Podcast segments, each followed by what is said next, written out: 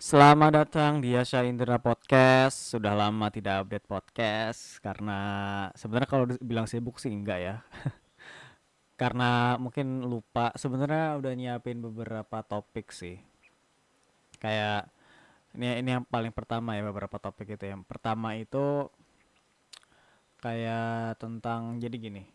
Kemarin itu gue tuh habis ngeliat reel, ngeliat reel di Instagram dia pokoknya adalah konten creator ini bilang gini eh coba sebutin apa ini adalah lima kata-kata motivasi yang ternyata omong kosong apa apa gitu ya. Dijabarin tuh satu dua tiga empat gue lupa. Terus yang kelima nah yang kelima ini dia suruh nyebutin di kolom komentar.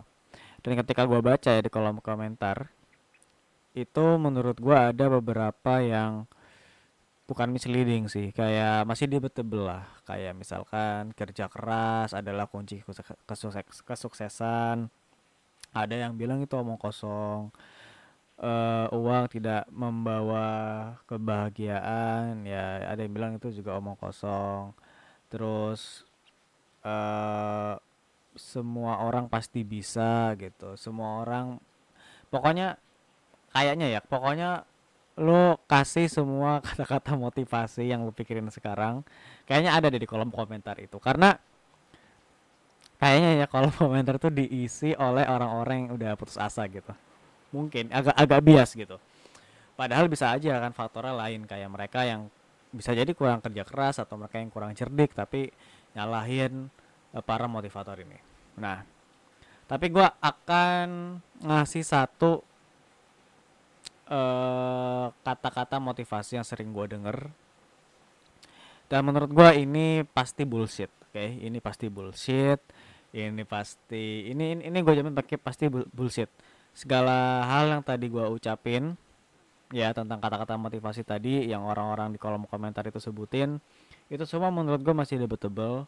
Tapi ini kata motivasi yang menurut gue ini kayaknya nggak debatable sih. Ini pasti bullshit ya ya jadi kata-kata motivasi itu adalah uh, tidak ada kata terlambat. Nah, ini me, bagi gue ya ini merupakan kata-kata motivasi yang uh, realistis lah, nggak realistis. Karena uh, penggunaannya beda-beda. Kalau lo menggunakan kata ini untuk orang tua yang udah sukses orang tua yang udah makmur ya hidupnya ya udah sejahtera. Terus tiba-tiba dia pengen jadi gamer gitu. Atau tiba-tiba dia pengen jadi pelukis gitu belajar ngelukis. Oke okay, mungkin kata-kata itu uh, berlaku bisa gitu. Tapi kata-kata ini tuh nggak berlaku bagi orang yang mungkin udah umur 40 tahun mungkin udah punya anak, udah punya istri, dia mas dia masih belum punya kerja, terus dia tiba-tiba ingin mencoba untuk menjadi pelukis atau atlet atau apa pun lah yang kaitannya dengan passion gitu. Menurut gua itu udah terlambat.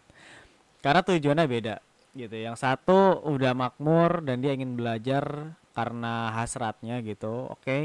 Tapi yang satu belajar untuk memenuhi kebutuhannya. Jadi kata-kata tidak ada kata terlambat itu menurut gua bohong lah. Maksudnya uh, itu hanya berlaku untuk bagi untuk sebagian orang gitu. Karena beritanya kan banyak ya. Lihat uh, nenek ini di umur 80 tahun masih ngeband mungkin ya. Belajar ngeband gitu lihat tidak ada kata terlambat ya. Dia udah makmur gitu hidupnya. Dia dia udah nggak ngabisin waktu apa apa lagi untuk ngejar sesuatu gitu. Tapi untuk umur 40 tahun 50 tahun dia pengen ngeband gitu kan ridiculous ya. Masih terdengar ridiculous gitu. Jadi kata-kata itulah. Sebenarnya dari kemarin gue pengen ngomongin itu sih. Uh, dan banyak lah kayak gue pengen ngomongin tentang mungkin uh, ya Indra Jurnal atau ya konsep podcast inilah. Karena gue bingung nih. Awal-awal podcast ini itu pengen ngarahin ke IT terus uh, pengen ke semacam diary uh, apa vlog diary gitu apa aja yang udah dilalui selama seminggu ini. Terus berubah ke ngomongin pop culture. Jadi gue agak bingung nih ya mau ngomongin apa di podcast ini tapi kayaknya udah diputusin diputuskan lah. Kayaknya podcast ini bakal bahas pop culture aja kayaknya ya.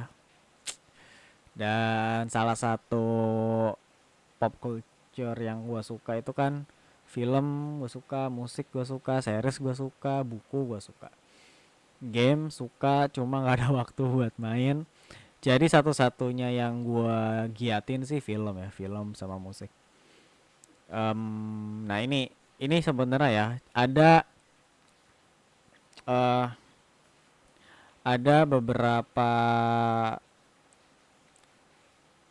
cara atau metode yang berbeda ketika gua mencoba untuk mereview film atau musik.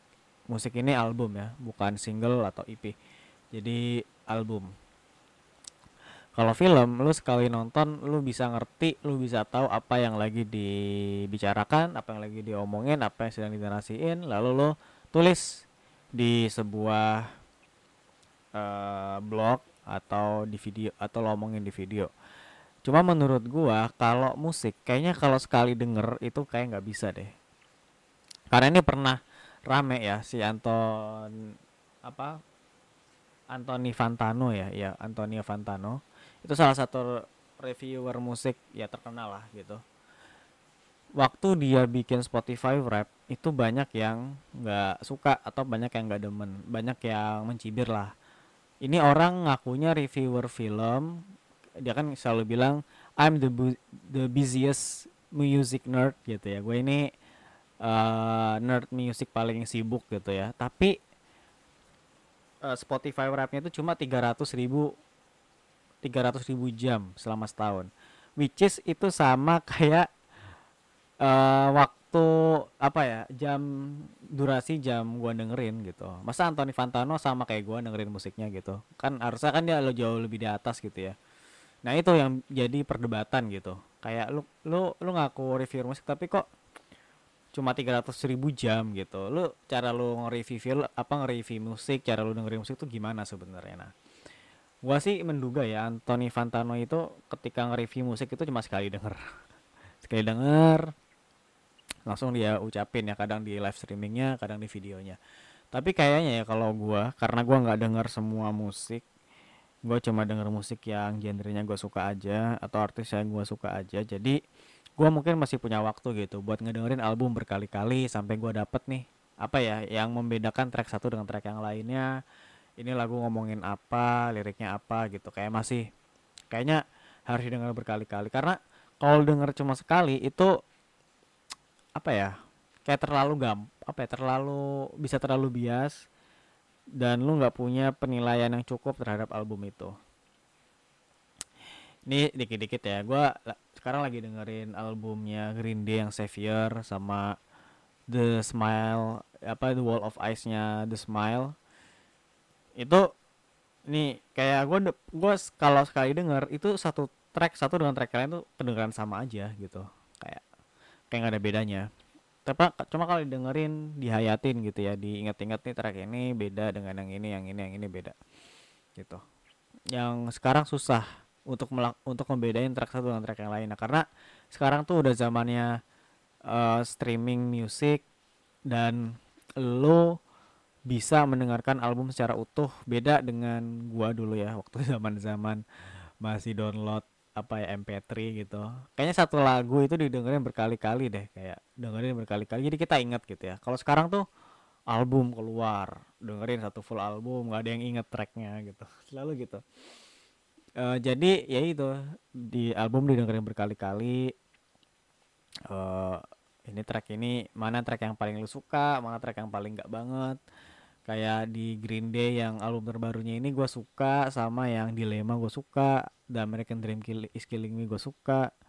Terus uh, terus ya itu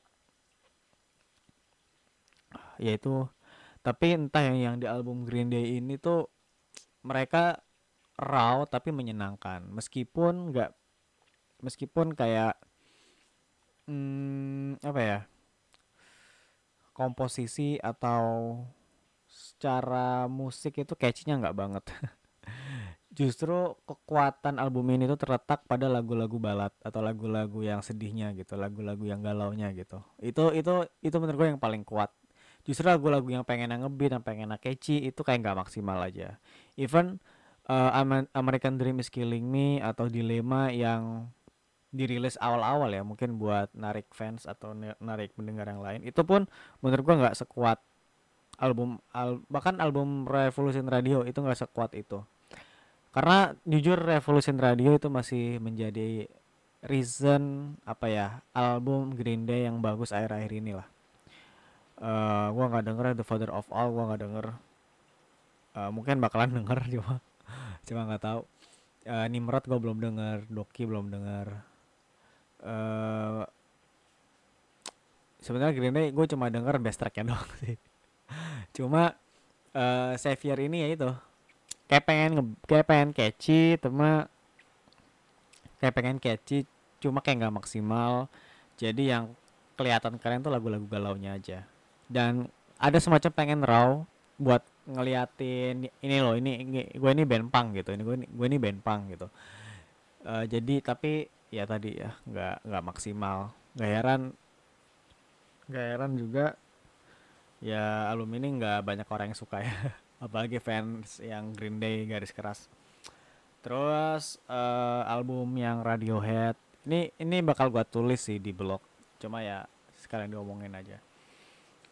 Ini tuh album yang kayaknya pengen eksperimental. Ini tuh hasil ekspansi ide yang gak tercurahkan di band Radiohead dipindahin ke sini. Masih ada beberapa DNA Radiohead sih kayak beberapa gitar yang tadi yang eksperimentalis terus pengennya artsy gitu ya. Masih bagus lah bagus lah beberapa lagu ya. Meskipun beberapa lagu yang lainnya tuh kayak kurang catch nggak mencoba untuk catchy tapi ingin pengen kelihatan nyeni aja gitu. Jadinya ya banyak yang suka bisa jadi banyak yang suka ya apalagi yang kangen sama Radiohead gitu. Itu ya Wall of Ice. Jadi ya itu. Ya mungkin mungkin itu ya. Mungkin podcast ini akan bahas pop culture secara keseluruhan uh, bahas tentang tapi mungkin pop culture dari fenomenanya gitu ya dari fenomenanya dari up sesuatu yang mempayungi tontonan kita uh, musik kita gitu ya buku kita bacaan kita gitu. Itu yang memayungi itu. Terutama ya yang paling berkesan adalah ketika uh, ketika ada bentar ya gue lihat. Ketika ada dokumenter baru di Netflix judulnya American Nightmare uh, eh, gue nggak akan ini mungkin spoiler alert ini cerita tentang salah ada pasangan ya uh, pasangan cewek cowok um, tinggal bareng terus si ceweknya ini tiba-tiba diculik lah tiba-tiba diculik Terus akhirnya penculiknya ini melepaskan si ceweknya ini. Tapi ya masyarakat yang melihat kasus ini ini tuh so seolah-olah mirip kejadian Gone Girl. Padahal kejadian nyatanya itu nggak nggak nggak nggak nggak seperti itu gitu. Uh, yang paling parahnya lagi adalah tidak hanya masyarakat tapi polisi setempat juga menganggap bahwa kasus ini tuh ada apa ya ada ada kejanggalan gitu. Padahal si cowoknya udah menjelaskan kebenarannya kalau si istrinya ini diculik uh, hilang gitu berhari-hari dan si ceweknya juga bilang kalau dia tuh diculik tapi sama penculiknya itu dilepas begitu aja dan polisi nggak ada yang percaya satupun sampai akhirnya ada polisi perempuan yang menangkap seorang penculik penculiknya ini dan dan nemuin rambut rambut si cewek ini. Itu itu ngeliatin gimana bahwa gara-gara fiksi ya film Gone Girl itu kayak mempengaruhi realitas gitu mempengaruhi realitas kita gitu. Nah sebenarnya sebenarnya ini kalau sebenarnya ya ini kalau misalnya ada pertanyaan kayak seberapa jauh sih seni atau film itu mempengaruhi hidup manusia gitu? Apa yang bisa dilakukan seni terhadap kemajuan umat manusia? Mungkin ini gitu. Gimana ternyata fiksi itu bisa kayak memetakan pikiran kita di realitas ini gitu. Sebenarnya kan ini sama aja kayak apa ya kalau dulu juga ada dokumenter tuh Don't Fuck with the Cats. Itu ada seorang pembunuh. Dia emang dia dasarnya psikopat gitu. Dia pertama ngebunuh kucing terus tiba-tiba dia ngebunuh orang apa gimana gitu. Nah ketika diselidiki dia tuh hobi nonton film. Dan salah satu filmnya itu adalah uh, Basic Instinct. Nah orang-orang yang ngeliat kasus ini ngeliat aja jadi kayak kan gara-gara nonton film nih pasti jadi psikopat gitu. Awas jangan nonton film jadi psikopat gitu. Padahal kebalik gitu. Orang ini udah psikopat dulu baru dia tuh suka nonton film gitu. Nah ini ini sesuatu yang ngeri sih. Ketika kayak realitas sama fiksi gitu itu bisa kayak di saling berbenturan gitu ya. Dan kita jadi menghindari fiksi itu. Bahkan kita jadi kayak mengkultuskan fiksi itu gitu. Yang satunya kayak menganggap film itu nggak baik untuk kejiwaan yang satunya menganggap bahwa film itu kadang bisa menjadi inspirasi orang untuk menyakitin uh, pacarnya gitu. Jadi gitulah. Uh, mungkin itu aja lah ya untuk podcast. Pod, untuk podcast uh, minggu ini kayaknya bakal diupdate minggu depan. Semoga ya bisa rutin lagi. Maaf kalau ada yang menunggu. Gue yakin nggak ada juga sih tapi ya wis. Bye bye